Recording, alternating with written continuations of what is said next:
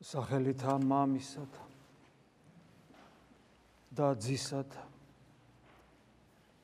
და სულისაწმინდისათა ქრისტიანს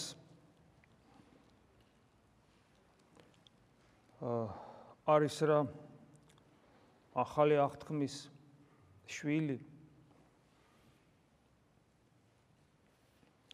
და სასუფეულის და ზეცის მოქალაქე. ანუ რაც იგივეა ეკლესიის ცოცხალი წევრი და ორგანული ნაწილი სხვანაირი ხედვა, სხვანაირი აზროვნება, სხვანაირი შინაგანი მდგომარეობა ყველაფერი სხვანაირი უნდა კონდეს. იმიტომ რომ ქრისტიანი პოტენციაში მაინც ახალი ქმნილებაა. რომლის დასაბამი არის არა ადამი, არამედ ახალი ადამი. ფაქტობრივად ახალი ადამი სამყაროში არის ახალი ქმნილება, რომელიც რომლის მსგავსი რომლის ნაირი რამ პრეცედენტი არ ყოფილა. ეს არის განხთობილი ადამიანი. ეს არის ღმერთისა და ქმნილის სამყაროს შეერთების ის წერტილი, რომელიც სწორედ ადამიანზე გადის. ეს არის ის ჩანაფიქრი, რომელიც რისთვისაც ღმერთმა სამყარო შექმნა. ღმერთმა სამყარო შექმნა ადამიანისთვის. ოღონ განხმრთობილი ადამიანისათვის. ანუ იმგვარი ქმნილებისათვის, რომელიც თავის თავში დაიტევდა ერთდროულად მთელ ქმნილ სამყაროს და ამ ყველაფერს ღმერთს მიუძღვნიდა.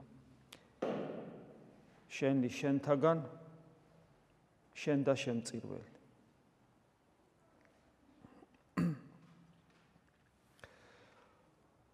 შეუძლებელია რომ ასეთ დროს ადამიანს არ კონდეს სწორედ განსხვავებული აზროვნება, ხედვა, ამას მინდა წერილით მოგვიწოდებს, ხშირად მოგვიყვანია პავლე მოციქულის, იოანე მოციქულის სიტყვები, რომლებიც პირდაპირ მოგვიწოდებენ, რომ ქრისტეს მსგავსად უნდა ვიაზროვნოთ და ვიცხოვროთ.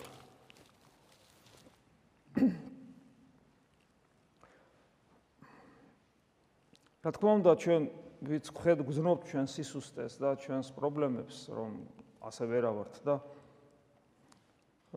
ეს მუდამ უკმაყოფილებას იწვევს ჩვენში და შესაბამისად დაუკმა დაუკმაყოფილებლობის განცდა გვაქვს სულიერ ცხოვრებაში. და ეს სტიმულია იმისა რომ ჩვენ მუდამ ვიმოქმედოთ და ჩვენი სულიერი ცხოვრება ერთი დიდი დინამიური ყოფა იყოს ჩვენი. სულ მუდამ სწრაფის სურველნი მუდამ მოლოდინის და ამას საფუძველი სწორედ ეს არის, რომ არ უნდა მოგწონდეს ის რა მდგომარეობაშიც ვართ. ესე იგი შესაბამისად ჩვენ მუდამ უნდა გქონდეს თვით შემეცნებ, უნდა ვიყოთ თვით შემეცნების მდგომარეობაში. აა ცოდნას მუდმივად ვიღებთ სულიწმიდა ღმერთისგან. ასე ასე დაგვპირდა ჩვენ უფალი. სულიწმიდა ღმერთი როგორც ნუგეშინის ცემელი.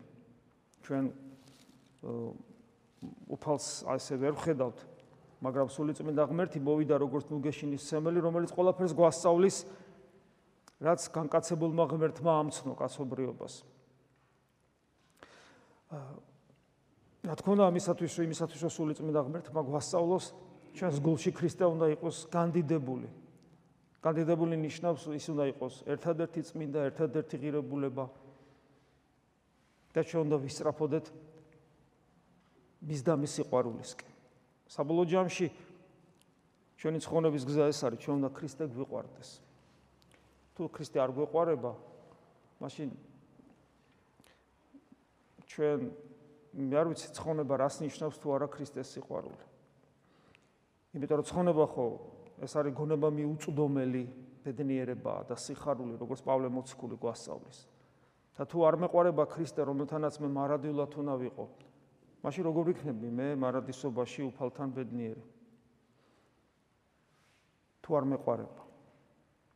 მაგრამ ჩვენ ვიცით რომ ქრისტეს სიყვარულის დეფიციტიც გვაქვს. ეს ხო ყოველწულ წამს იგზნობა ჩვენში. ჩვენი გული ანთებულია სიყვარულით ღვთისადმი. ანთებულია ქრისტესადმი სიყვარულით. მე ვიცი ისიც რომ ადამიანი როგორ მიდრეკილია ხიბლისკენ და ეს ფსიქოემოციური ეგზალტირებული მდგომარეობა როგორ ახასიათებს ადამიანს, ადამიანს შეიძლება აი მე ქრისტე როგორ მიყვარს უცებ იტყვის. არ მოვტყუდეთ. ილუსტრაცია ჩვენ გვიყვარს თუ არა ქრისტე. პირველსავე შემხვედრ ადამიანთან ჩდება და ვლინდება. სულ ერთია ვინც არ უნდა იყოს ის. მაგრამ ვარჯიშს ჩვენ ვახერხებთ ოჯახის წევრებთან. და ოჯახის წევრებთან ხვდები ყველაზე მეტად, რომ სიყვარული აი ეს ეგზალტირებული გზნობისმიერი ცრემლად დაღრული სენტიმენტალიზმი და ასეთი რამ არ არის, არამედ ეს არის ნებელობითი აქტი, ვალდებულება. რომელსაც დიახაც ქრისტეს სიყვარულით ანხორციელებს შენში. ოჯახი და შემდეგ ყველაფერი დანარჩენი გარეთ და საბოლოო ჯამში სანამ ყველა ადამიანისადმი არ გვექნება ეს დამოკიდებულება, ის დამოკიდებულება, რასაც ქრისტეს თვალებით ყურება ქვია. ჩვენ ქრისტე არ გვიყვარს. იმიტომ რომ ეს არის ტყუილი უბრალოდ.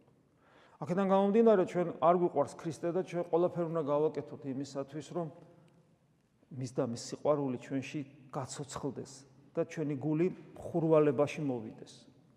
სული მდუღარებაში მოვიდეს. როგორც პავლე მოციქული გვასწავლის. მაგრამ აი ეს ყველაფერი რომ მოხდეს, ჩვენ ძალიან დიდი გზა გვაქვს გასავლელი. მათ შორის ის, რომ ჩვენი შემეცნება, მათ შორის სამყაროს შემეცნება, თვით შემეცნება და სამყაროს შემეცნებაც იყოს განსხვავებული. არა ისეთი, როგორიც ამას სოფლის ადამიანს უნდა კონდეს. არამედ განსხვავებული. შეუძლებელი ადამიანს კონდეს აი ამგვარი ნიშნული აწეული ამ ამგვარი კადნიერებაც, რომ სამყაროს შემოქმედი უნდა უყვარდეს და ცხონება სხვა არაფერია თუ არა ღმერთის სიყვარული. და ამ დროს მისი აზროვნება იყოს ამასოფლის ამასოფლის სულის შესაბამისი აზროვნება. რომელსაც ანუ ამასოფლის ზულს ღმერთი. ამასოფლის სულს ზულს ღმერთი. და მე როგორ შეიძლება ვიაზროვნო ამასოფლის სულის მსგავსი აზროვნება მქონდეს და უყურო ამ სამყაროს ისე როგორც ამასოფლის სული ხედავს. ამიტომაც ვამბობ რომ ჩვენი ყველაფერი აბსოლუტურად მათ შორის ამ სამყაროს ხედვა, სიბზნე და ყველაფერი უნდა იყოს აბსოლუტურად განსხვავებული. და რა თქმა უნდა, ამაში ჩვენ გვეხმარება ყველაზე მეტად. ну, ერთ-ერთი, ну, ლოცვა გვეხმარება, რა თქმა უნდა, საიდუმლოებასთან მიახლება თავისთავად ცხადია, რომლებიც ყველაფერი ეს ლოცვა საიდუმლოებასთან მიახლება საფრთხო ენერგიის, ანუ მადლის წყაროა და რა თქმა უნდა, გვეხმარება წმინდა წერილი, რომელიც ასევე მადლის მომნიჭებელია, ის თუ მხოლოდ ინტელექტზე მოქმედებს, არაფერს არ მომცემს და არც იმოქმედებს. ის თლიანად ადამიანზე მოქმედებს, იმიტომ რომ იგი საფრთხო მადლის მომნიჭებელია და საფრთხო ენერგიის მატარებელია. წმინდა წერილი, რომელიც მიცოცხლებს ღვთის განკაცებას სამყაროში. და იქ მომყოფებს როცა იმ მდგომარეობაში და იმ პერიოდში, როცა ქრისტე ამ ქვეყანაზე სახურებას ეწეოდა და ადამიანურად გამოხატავდა საფრთხო განგებულებას, საფრთხო ნებას სამყაროს წინაშე. აი დღესაც სახარებაში აღმოვიკითხეთ, რომ ძალიან საინტერესოა ეს ადგილი, მათეს სახარების მეოთხე თავია ეს. იონათლისემელს, როდესაც აა დაიჭერენ, შემდეგ თავსაც კვეთავენ, იცით? ეს მარა იესოს ვითარმეთ იოანე მიეცა, განეშორა და წავიდა გალილეად. ესე იგი იოანეს დაჭერით ბევრი ძალიან ბევრი რამეა სიმბოლურად აქ ნაჩვენები მათ შორის ეს ახალი ძველი აღთქმის ცვლილება ახალი აღთქმით ბევრი რამეა რომ ძველ აღთქმას იმ კანონებს წეს რელიგიურს არ ქონდა ცხონების ადამიანის გადარჩენის შესაძლებლობა. ამიტომ ის უნდა დამთავრებულიყო და ახალი დაწყებულიყო.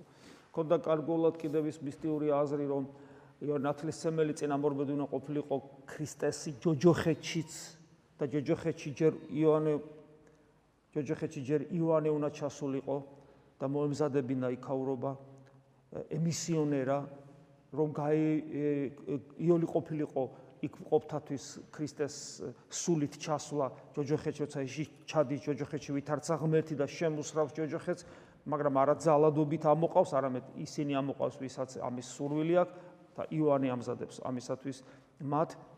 ეს ყველაფერი ერთი მხარეა მაგრამ არის მეორე მხარე. დედამიწაზე ამ შემთხვევაში იმ რეგიონში რომელიც არის ფაქტობრივად სახე ხო მთელი სამყაროსი ხდება საშნელი ბოროტება. ქრისტეს მიერ მინიშნებული ყველაზე კეთილშობილი ადამიანი აი ესე უპატიოთ იქნა მოკლული. დაჭერილი და მოკლული. ეწირება უსამართლობას ჩვეულებრივად.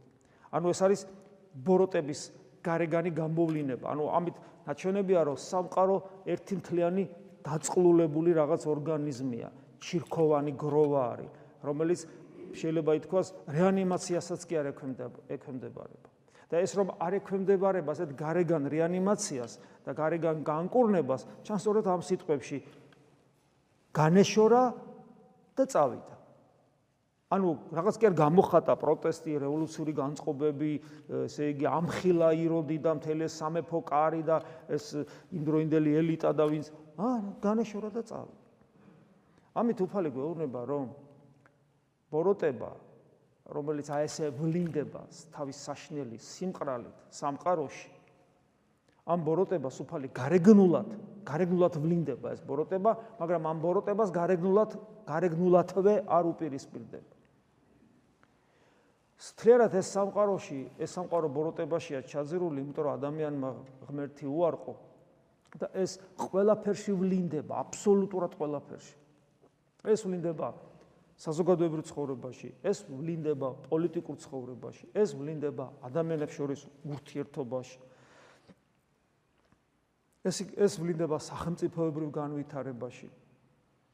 ეს ვლინდება იმაში თუნდაც რომ ადამიანები ერთმანეთს როგორ ექცევიან და ეს ვლინდება იმ საშნელდით ბოროტებაში, რომელსაც სიკვდილი ქვია.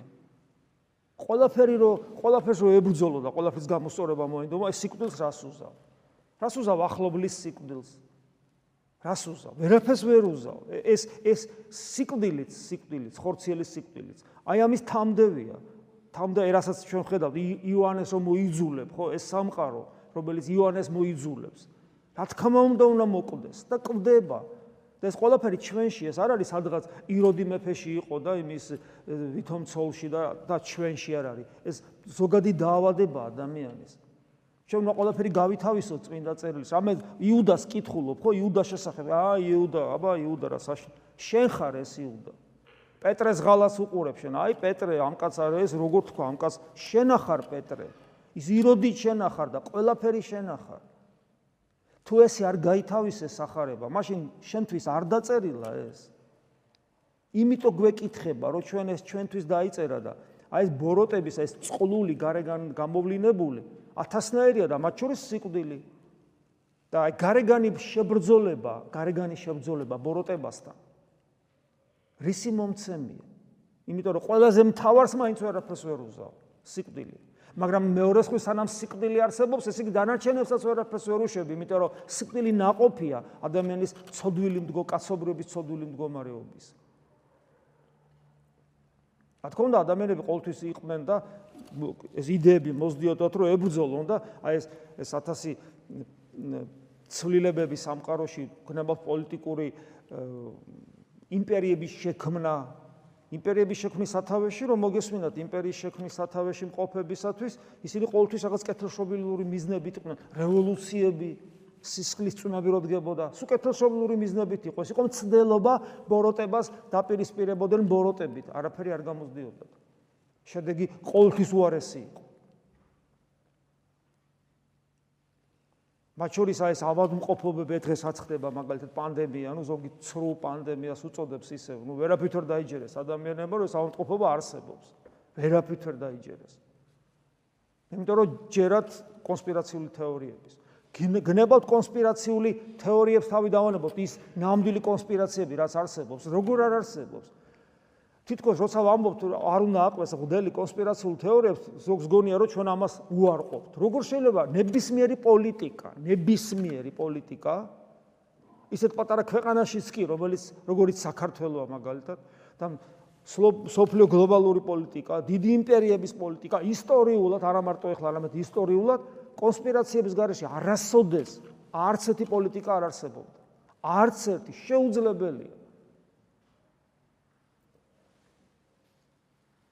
და მონებრივია რომ ადამიანს რაც პრო დიდი შესაძლებლობები და დიდი საცეცები აქვს და დიდი მადა აქვს ეს ეს კონსპირაციული თქვათ ხედვა მართლობა ეს ჭდილოვანი ეკონომიკა თუ რაც არის ყველაფერი რაც არაჩანს ხო ეს უფრო და უფრო ძლიერდება და უფრო უფრო და უფრო დიდია და დადგებათ რომ როცა რაღაც დიდ მწვერვალს მიაღწევს როცა სოფლიო იმპერია შეიქმნება რაც უფრო დიდია იმპერია მით უფრო მეტია ეს ეს ურთიერთობები, კონსპირაციული ურთიერთობები და აი ეს ყოველგვარი ცუდი რაც შეიძლება ვიფიქროთ და როცა სოფლიო იმპერია შეიქმნება, ანტიქრისტე რა უნდა მოვიდეს, რა თქმა უნდა იქნება და რა თქმა უნდა ეს არის.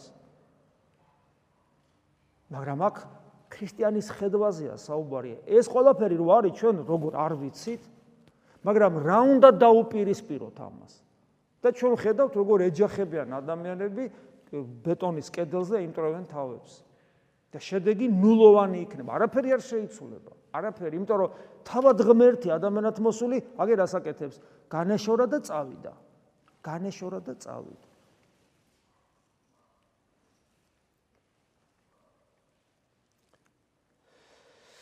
მიზეზი რატო წავიდა? მას ხო შეიძლება ყოვლის შემძლეობით ყველაფერი აღელაგო. მაგრამ ჩვენ არ შეგვილია რომ დავამარცხოთ ეს ამასოფლიოს ბოროტება, მაგრამ ქრისტემ რატო არ დაამა? ქრისტემ რატო არ შეაზანზარა ეს ყველაფერი და რატომ არ დაამხო თავზე ყველაფერი? თუმცა გვახსენდება, ხო? გახსოვთ? ეშმაკის ცდუნება ერთ-ერთი. მიდი მთელ სოფლიოს მეფედ გახდი. მთელი სოფლიოს მეფე გახდი, ქრისტეს ეუბნები. თუმცა ამისათვის აუცილებელია ყო რომ სატანისათვის თაყვანი ეცა. ეს პირობა ქონდა. რა თქმა უნდა ქრისტეს ეს არ ჭირდებოდა, მაგრამ ეს ეშმაკი ესე ვარაუდობდა, რომ სხვანაირად არ გამოუვაო. დიახაც, რა თქმა უნდა, ნებისმიერი აი ეს მიდრეკილება იმ რაღაცნა კაცო ადამიანების მართვისკენ ყოველთვის ეშმაკთან წილნაყარია, თუნდაც აი სახარების იმ სიუჟეტში, რაც ეგან ვახსენეთ, ეშმაკის მიერ ქრისტეს ცდუნების მცდელობა როცა არის. ყველაფერს მოგცემ მოღოლ მე თუ დამემორჩილები. ბუნებრივი ესე იქნება და მთელი სისავსით ანტიქრისტეს ანტიქრისტეს დროს იქნება. ეს რამე ჩვენთვის ახალია, მაგრამ კიდევ ვიმეორებ, დამოკიდებულება როგორ უნდა კონდეს ამის მიმართ. აი როგორც ქრისტეს განეშორა და წავიდა. რატო წავიდა? წავიდა საქმის საკეთებლად, ოღონდ რა საქმეს აკეთებს? მიზეზი რა იყო? რა ჩვენ მკითხულობთ, ერი რომელიც ხდა ბნელსაში, აიხილა ნათელი დიდი და რომელიც ხდეს სოფელსა და აჩრდილთა სიკვდილისად. ანუ მთელი სამყარო ბნელში ზის და სიკვდილში იმყოფება. ეს არის თლიანად კაცობრიობის შინაგანი დაზიანებაზეა საუბარი. ადამიანი კაცობრიობა არის დაზიანებული შინაგანად და ეს წყლული არის მისი ამ შინაგანი დაზიანების გარეგანი გამოვლინება. ამიტომ ამ წყლულთან ბრძოლას აზრი არ აქვს შინაგანად უნდა განიკურნოს კაცობრიობა ანუ თითოეული ადამიანი. და მიზეზი განშორებისა ის არის რომ რომ შეაზანზარო და ყველაფერი თავის ადგილას დააყენო, სიტუაცია მაინც არ შეიცვლება. ადამიანი შინაგანად აი ამ სიკვდილში იმყოფება. და მას ჭირდება სხვა საკურნებელი, ნათელი ჭირდება. ეს ეს სიკვდილი და ეს სიბნელე რომელზეც ახლა რომელიც აღმოვიკითხეთ ეს არის კაცობრიობის ანუ ადამიანების შეიძლება ასე ითქვას შინაგან მეორე ბუნება მოდი ღმერთმა სხვა ბუნების შექონა სხვანაირად შექონა მაგრამ ეს ჩვენ შევიძინეთ ეს ბუნება ცოდვით დაცემის მერე. ჩვენ ბუნებად იქცა ეს. ჩვენ ბუნებად რადგან იქცა შეუძლებელია გარეგანულად ჩვენი განკურნება მოხდეს. გამოსავალი არ არის ამაში.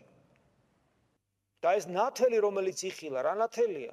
ქრისტეს ნათელი ანუ მე ეს ნათელი თუ არ ვიხილე შიგნით ჩემი გარეგანი განკურნება ვერაფრით ვერ ხდება. გარეგანი მეთოდები ჩემი განკურნება ვერ ხდება ვერც ინდივიდუალურ დონეზე ვერც საზოგადოების და მთელი ვერც კეთილი კაცობრიობის დონეზე. ამიტომაც იგივე ამ კონსპირაციულ თეორიებს. ესე კი არ უპირდო დაუპირისპირდე და რაღაც თარქები დავეჯახოთ. არამედ არამედ აი ამაზე უნდა ვიზრუნოთ რომ ნათელი ნათელი ის ნათელი უნდა შემოვიდეს ჩვენში ანუ ქრისტესთან ერთობაა საჭირო. და აი გამოსავალსაც თვითონ წმინდა წერილი გვთავაზობს. წაგიკითხეთ ხო? წაიკი წავიკითხეთ დღეს სახარებაში. ნათელი აღმოუბრწყინდა მათ. და მიერიდან აი იხილეს ნათელი, ნათელი, იმიტომ რომ აღმოუბრწყინდა ეს ნათელი და გამოსავალი ნახეთ რაშია ქრისტე განეშორა და წავიდა და კი არ საერთოდ კი არ წავიდა, არამედ საქმის კეთება დაიწყო და რა საქმეა? მიერიდან იწყო იესო ხადაგებად სიტყვათ შეინანეთ, რამე თუ მოახლოებულ არ სასუფეველი ცად. ანუ განმკურნებელი ნათელი. ნათელი რომელიც კურნავს. რომელიც შინაგანად აფწყინებს ადამიანს. რა არის ეს განკურნებელი ნათელი? რას აკეთებს ქრისტე? და ქრისტე აკეთებს რას ნიშნავს? ეკლესიამ უნდა აკეთოს ეს. რასაც ქრისტე აკეთებს, ის ეკლესიამ უნდა აკეთოს. ეკლესია აკეთებს რას ნიშნავს? ესე იგი ჩვენ უნდა ვაკეთოთ. რა უნდა ვაკეთოთ? სინანულისაკენ მოწოდება. სინანული, ეს არის ის ნათელი, რომელიც კურნავს ადამიანებს. და თელ კაცობრიობას. შეინანეთ რამე თუ მოახლოებულ მოახლოებულ არ სასופველიცად ეს არის პირველი მცნება ქრისტესი რომელიც მისგან გაჟღერდა. მაგრამ ეს პირველი მცნება არის მომცველი ყველა დანარჩენის ეს ყოვლის მომცველი ცნება ყველა დანარჩენი ცნება რასაც ჩვენ მე ქრისტესთან ხედავ ყველაფერი ამაშია იმიტომ რომ სინანული ეს არის მეტამორფოზის პროცესი პროცესი იცოლებაში დიამეტრულად ყველაფერი ადამიანში და შეუძლებელია ამის შეცვლა თუ ის დანარჩენები არ შესულდა, რასაც მე ქრისტე გვთავაზობს. მათ შორის საიდუმლოებასთან ერთობა. ანუ ეს ზიარება, ნათლობა და ასე შემდეგ. ყველაფერი ეს ცნებებია.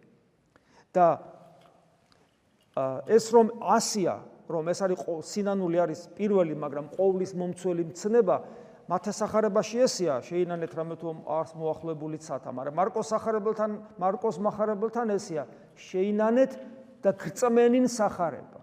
ანუ თუ გავაერთიანებთ ამ ორი სინოპტიკი სინოპტიკური სახარების თქვა ჩინარს და ხედავთ რომ შეინანეთ მოახლოებულ არსათა და კონკრეტულად ეს ვლინდება იმაში რომ სახარება უნდა ირწმუნო ის რაც ქრისტემ გვახარა რაც მოციქულებმა გადმოგცეს ანუ ყველა მცნება ერთდროულად ესე იგი ეს ნიშნავს იმას რომ თუ ჩვენ გვინდა რომ რაღაცა თუ ჩვენ ხედავთ ბოროტებას ნებისმიერს არ აქვს მნიშვნელობა.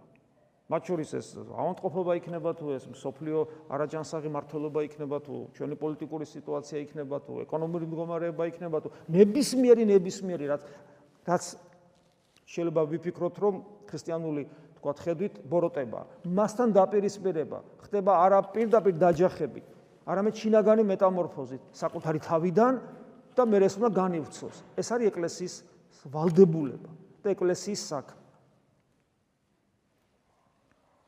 ხოლო სინანული ეს არის სწრაფვა ქრისტეს მსგავსებისკენ ქრისტეს ძიების სურვილი ქრისტეს ძიება რომ ცხოვრების საზრისია. ეს არის სინანული. ანუ რა გამოდის? ესე იგი მე ბოროტება ხედავ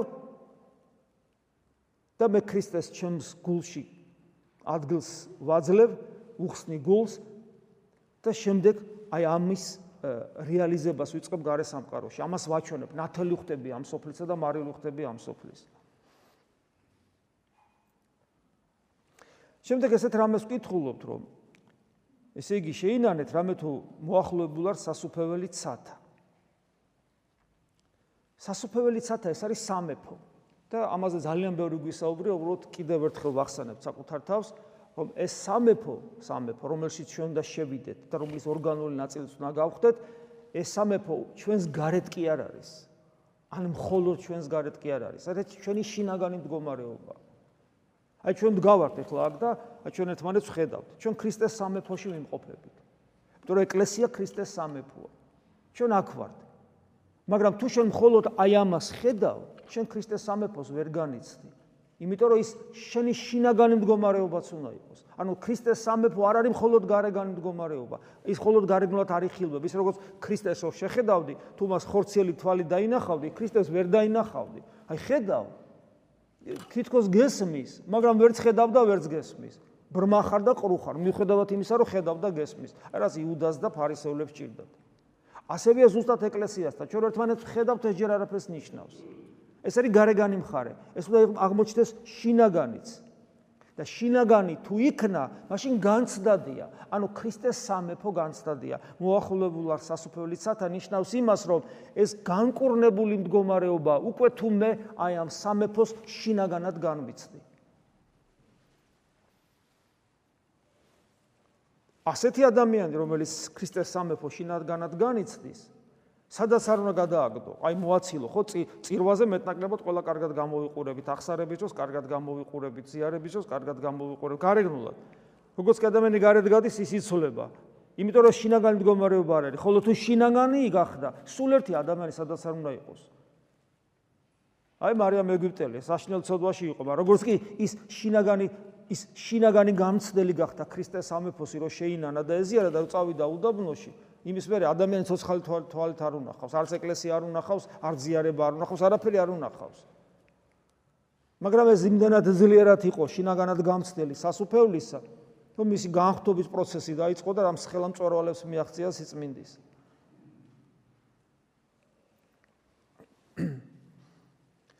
დღევანდელ 60 ქულოში ესეთ რამე ამოვიკითხეთ. ხოლო თითოეულ ჩვენგანს ეს უკვე ქრისტეს სამეფოში ქრისტეს მიერი ნიჭის ზომისაებ მიეცა მადლი. თითოეულ ჩვენგანს ხაზგასმულია. ეგ ქრისტეს სამეფოში, ქრისტეს სამეფოში. აი ადამიანი ჩვენ ხშირად გვითხოვს ეს ტერმინი გამოგვიყენებია, ადამიანი უბრალოდ homo sapiens კი არ არის, ან თქვათ, უბრალოდ ზნეობრივი არსება, არამედ ის ძალიან მნიშვნელოვანია ეს ტერმინი, თანამედროვე ღვთისმეტყველები ამას კარგად ხმარობენ, რომ ადამიანი არის თეოლოგიური არსება.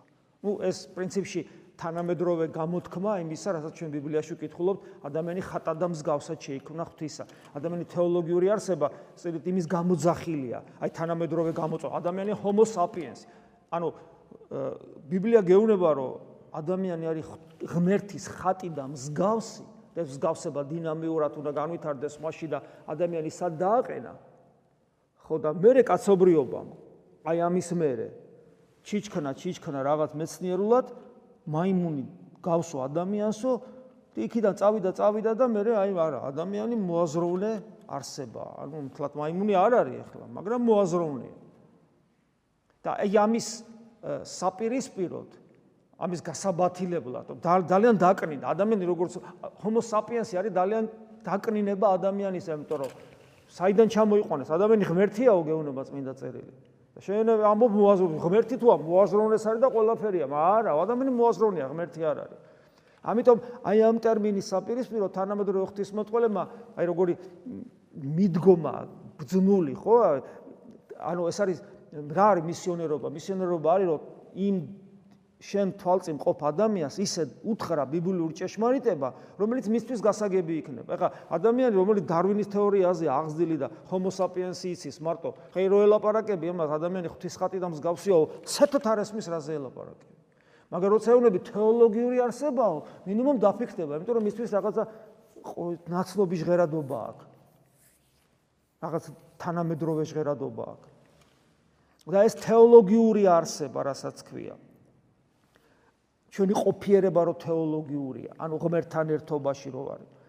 ეს სწორედ აი აქ ძალიან კარგად ჩანს, თითოეულ ჩვენგანს ქრისტეს მიერი ნიჭის ზომისებ მიეცა სახთომაგდე, ანუ სულიწმინდა ღმერთი თითოეულ ადამიანს კონკრეტულად ენიჭება და ადამიანი იზრდება თავისუფლებით. ანუ მე კი ვარ ეკლესიაში. მაგრამ მე ჩემზე სულიწმინდა ღმერთი სხვანაირად მოქმედებს. შენზე სხვანაირად, შენზე სხვანაირად, თითოეულ ადამიანზე უნიკალურად, და როცა სულიწმინდა გარდა მოვიდა, ყველა ადამიანს, ყველა მოციქულს დაადგა ცეცხლის ენის სახით. ეს იყო სიმბოლური გამოხატულება, რეალობის მაჩვენებელი, მაგრამ ამ დროს ცეცხლი ხო არ არის მართლა ღმერთი, ხო სიმბოლო იყო, რომ არა ყველას ერთიანად ქოლგასავით კი არ დაეფინა ცეცხლი. ხო შეიძლება და აი ერთად ხო იჯდნენ და ესე ყოველას გადაეფარებოდა, არა, ცალ-ცალკე დაადგა. ეს ნიშნავს რომ სულიწმინდა ღმერთი თითოეულ ადამიანთან, თითოეულ პიროვნებასთან უნიკალურად მუშაობს, უნიკალურად ზრუნავს თითოეულზე და განსაკუთრებულად ასწავლის. და ამით უნარჩუნებს თითოეულ ადამიანს პიროვნულ ღირსებას, ერთიან ქოლგაში კი არ გვაქცევს, პიროვნულ ღირსებას გვინარჩუნებს, პიროვნულ უნიკალურობას გვინარჩუნებს მარადისობაში, იმიტომ რომ სულიწმინდა ღმერთი მარადიულია. ეს არის ეს ნიშნავს იმას, რომ ჩემი ღმერთობა, ჩემი უნიკალურობით და იმიტომ რომ ღმერთი არ შეიძლება იყოს მარტო ბუნებით, არამედ როგორც ჰიპოსტასის, როგორც პიროვნებაც უნდა იყოს, ჩემი ღმერთობა არის გარანტირებული, იმიტომ რომ სულიწმინდა ღმერთთან ურთიერთობა მეც მარადილს მხდის ჩემი უნიკალური პიროვნული უნარებით, შესაძლებლობებით და ყოფიერებით. ამას ნიშნავს სწორედ რომ ჩვენი ყოფიერება თეოლოგიურია. შემდეგ ესეთ რამეს ვკითხულობთ, რათა სრულყოთ წმინდანი სახურების საქმისათვის. საუბარია იქ, ვთქვათ, ადამიანები როგორ სხვადასხვა მადლს იღებენ სიწმინდისა და მე ეს ყველაფერი რისთვის? ქრისტეს სხეულის ასაშენებლად. ეს ნიშნავს იმას, რომ აი ხო უნიკალურები ვართ, ხო თავისუფლები ვართ. ამაზე მეტი თავისუფლება რა არის, როცა ღმერთი შენთან მოდის და შენთან მოდის და შენთან მოდის და შენთან მოდის და ჩვენთან კი არა, შენთან, შენთან, შენთან და აი შენ, აი შენ, აი შენ, გესმის? ამაზე მეტი თავისუფლება წარმოგიდგენიათ? ვინც არ უნდა იყო სოციუმში რა მდგომარეობას არ უნდა გეკავოს, შენთან მოდის სული წმინდა ღმერთი. და აი ახო ესე ხდება და ამავე დროს, ამავე დროს მოდის რისთვის? ღირსებას განიჭებს და ამ ღირსების ერთ-ერთი გამოხატულება არის შენი ძალიან მნიშვნელოვანი საქმე. რა საქმე? ქრისტეს ხელს ვაშენებ. აი ამას ამბობს პავლე მოციქული ზუსტად. ქრისტეს ხელის ასაშენებლად. ჩვენი მსახურება უნდა სრულყოთ ქრისტეს ხელის ასაშენებლად. ქრისტეს საქმეს ვაგრძელებთ. თითოეული ჩვენგანი ქრისტეს საქმეს აგრძელებს. აი ზეღმერთის პიროვნება, რასაც აკეთებს, იმას უნდა ვაკეთებდეთ თითოეული ჩვენგანიც. ეს არის რა თქმა უნდა ცხოვრების ლიტურგიკული წესი. ანუ ადამიანი არა მარტო თეოლოგიური არსება, ადამიანი ლიტურგიკული არსებაც არის.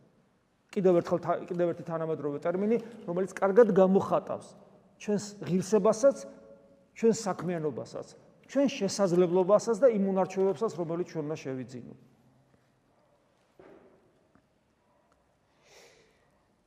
და შემდეგ ესეთ რამეს ვკითხულობთ კიდე ეფესელთა მიმართ ეპისტოლეა, რასაც რაც ჩვენ აღმოვიკითხეთ, მეოთხე თავია ესეც. ვიდრე ყოლანი მივახწევდეთ რწმენის ერთობას და ღმერთის ძის შემეცნებას, ანუ ძეგმერთის შემეცნებას. სრულყოფით კაცად, კაცი ამ შემთხვევაში ადამიანის გაგებით. არა მამრობითის გაგებით, არამედ ადამიანის გაგებით სრულყოფილ კაცად ქრისტეს ასაკის სისრულის ზომას. ანუ ნახეთ ჩვენი შემეცნება როგორია? ქრისტეს შემეცნებით, რაც მეტად და მეტად შეიმეცნებ ქრისტეს ჩვენ თვითონ მოვდივართ იმ სისრულეში, ქრისტეს ასაკის სისრულე. ასაკი არა 33 წელი, არამედ მისი მდგომარეობა, რასაც ქვია. ანუ ეს განხრთობის წვერვალზეა საუბარი. ეს ნიშნავს იმას, რომ ჩვენი პიროვნული სრულყოფილება ერთობაშია შესაძლებელი. მიუხედავად იმისა, რომ სულიწმინდა ღმერთი თითოეულ ჩვენგანს განსწავლის, მე იმის მერე რომ ჩვენ აი ამ საერთო საქმეს, ლიტურგიკულ საქმეს ვაკეთებთ, ანუ ქრისტეს ხელს ვაშენებთ. აი ამ ერთობაში, როცა ქრისტეს ორგანული ნაწილი ხდები, აი ამ ერთობაშია შესაძლებელი სრულყოფილება, ოღონდ-ნიშნული, სადამდეც შეუნდა გავიზარდოთ უსასრულოდ მაღლა, იმიტომ რომ ღმერთზია საუბარი. ქრისტეს ასაკის სისრულ, სისრულ, ანუ სისავსე, ბოლომდე, ანუ ძეღმერთზე, ანუ სამყაროს შემოქმედზია საუბარი. ეს ნიშნული უსასრულოდ მაღლა, ანუ ჩვენ განვითარებას დასასრული არ აქვს. და აი ეს ყველაფერი რომ ჩვენში მოხდეს, ამის ყველაზე დიდი მტერი, რაზეც ჩვენ ახლა აქ ვისაუბრეთ, ეს არის ფორმალიზმი. და ფორმალიზმი ფორმალიზმი იმდენად არსებობს სულიერ ცხოვრებაში, რამდენადაც დეფიციტია სიყვარულის. ის რომ ჩვენ რასაც ვაკეთებთ, რაზეც ვსაუბრობთ, რასაც ვამბობთ, როგორც მომოქმედებთ, რომ ფორმალისტური არ იყოს, ანუ მკვდარი საჭიროა სიყვარული. ეს ურთიერთობებში წესია. აი მაგალითად მეუღლებს შორის, მშობლებსა და შვილებს შორის. წარმოიდგინეთ ურთიერთობა, რომელიც არის აბსოლუტურად დახვეწილი, გარეგნულად რო გიყუროს ადამიანმა ხინჩვერი პოვი, ყველაფერს ზუსტად აკეთებთ. სიტყვა ჩემო საყვარელო, ჩემო ძვირფასო, მოდი აქა და ასე შემდეგ და ყველაფერი ეს და ეს მომსახურება იდეალურ დონეზე. მაგრამ ეს ყველაფერი რო ფორმალური იყოს, გაწერილი იყოს, თამაშობდე, სახიობობდე. ანუ სიყვარული არ იყოს. ხო რა, რისი მომცემი, არაფრის მომცემი არა. ესე ჩვეულებრივი სპექტაკლი. და შეიძლება ზუსტად იგივე სპექტაკლში მონაწილეობა მივიღოთ სულიერ ცხოვრებაში. თუ ჩვენ არ ვისწრაფით იმისკენ, რომ ქრისტე გვიყვარდეს და ქრისტეს სიყვარულის განუცდელობა და ჩვენ არ განვიცდით ქრისტეს სიყვარულს. არ განვიცდით და არ გვიყვარს. ხოლო ქრისტეს სიყვარულის განცდა, რაც თავში გითხარით, ემოციურ, ეგზალტირებულ რაღაცა სენტიმენტალიზმით, ტყუილია. და ეს იმ წამსვლინდება, როგორც პირველსავე ადამიანს, ო შეხ, აა როგორ მიყვარს ქრისტე და პირველივე შეხვედრა ადამიანთან და თუ ამას ვერ გძნობთ, ადამიანთან ურთიერთობაში ჩვენ შიგნით რა ხდება კიდე? ეს ცალკე პრობლემაა. ხედავთ, პრობლემების სპექტრი ძალიან დიდია. და ჩვენი სამუშაო მრავალმხრივია. მოყვასთან ურთიერთობა, საკუთარ თავს ჩაღმოება, ღვთისძიება, ლოცვის სწავლა, განათლების მიღება უამრავია. ეს ნიშნავს იმას, რომ ჩვენ დასაკარგავი დრო არ აგვაქვს, იმიტომ რომ საქმე ძალიან ბევრია და დრო ცოტა გვაქვს. და თან დროს იმდეს კარგავთ, რომ და სანამ ახალგაზრდები ვართ, და ახალ ზოგი 90 წლის ადამიანიც კი თulis რომ ახალგაზრდა. თulis რომ ჯერ კიდე ბევრი დრო აქვს. ეს ცალკე უგუნურობა ადამიანის. და საკარგავი დრო არა გვაქვს, დრო ძალიან ცოტა გვაქვს. უფალოდის გაგვიყვანს, არ ვიცით, საქმე ძალიან ბევრია საკეთებელი. ოღონ ამ საქმის სტიმულს, აი მასტიმულირებელი რა არის? ფორმალიზმიდან გამოვიდეთ. და გვახსოვდეს, რომ ქრისტე უნდა გიყვარდეს. არ შეიძლება რომ ქრისტე არ გიყვარდეს. და თუ ქრისტე გიყვარს, აუცილებლად ცვლი იცვლება შენი დამოკიდებულება მოყვასთან. სხვანაირად ეს შეუძლებელი. შეგვეციო სუფალი და მოგცეს ძალა სწორ სულიერ ცხოვრების. მადლი უფლისა ჩვენისა იესო ქრისტეს და სიყვარული ღვთისა და მამის და ზიარება სული საწმინდისა იყოს თქვენ ყოველთა თანა. ამინ.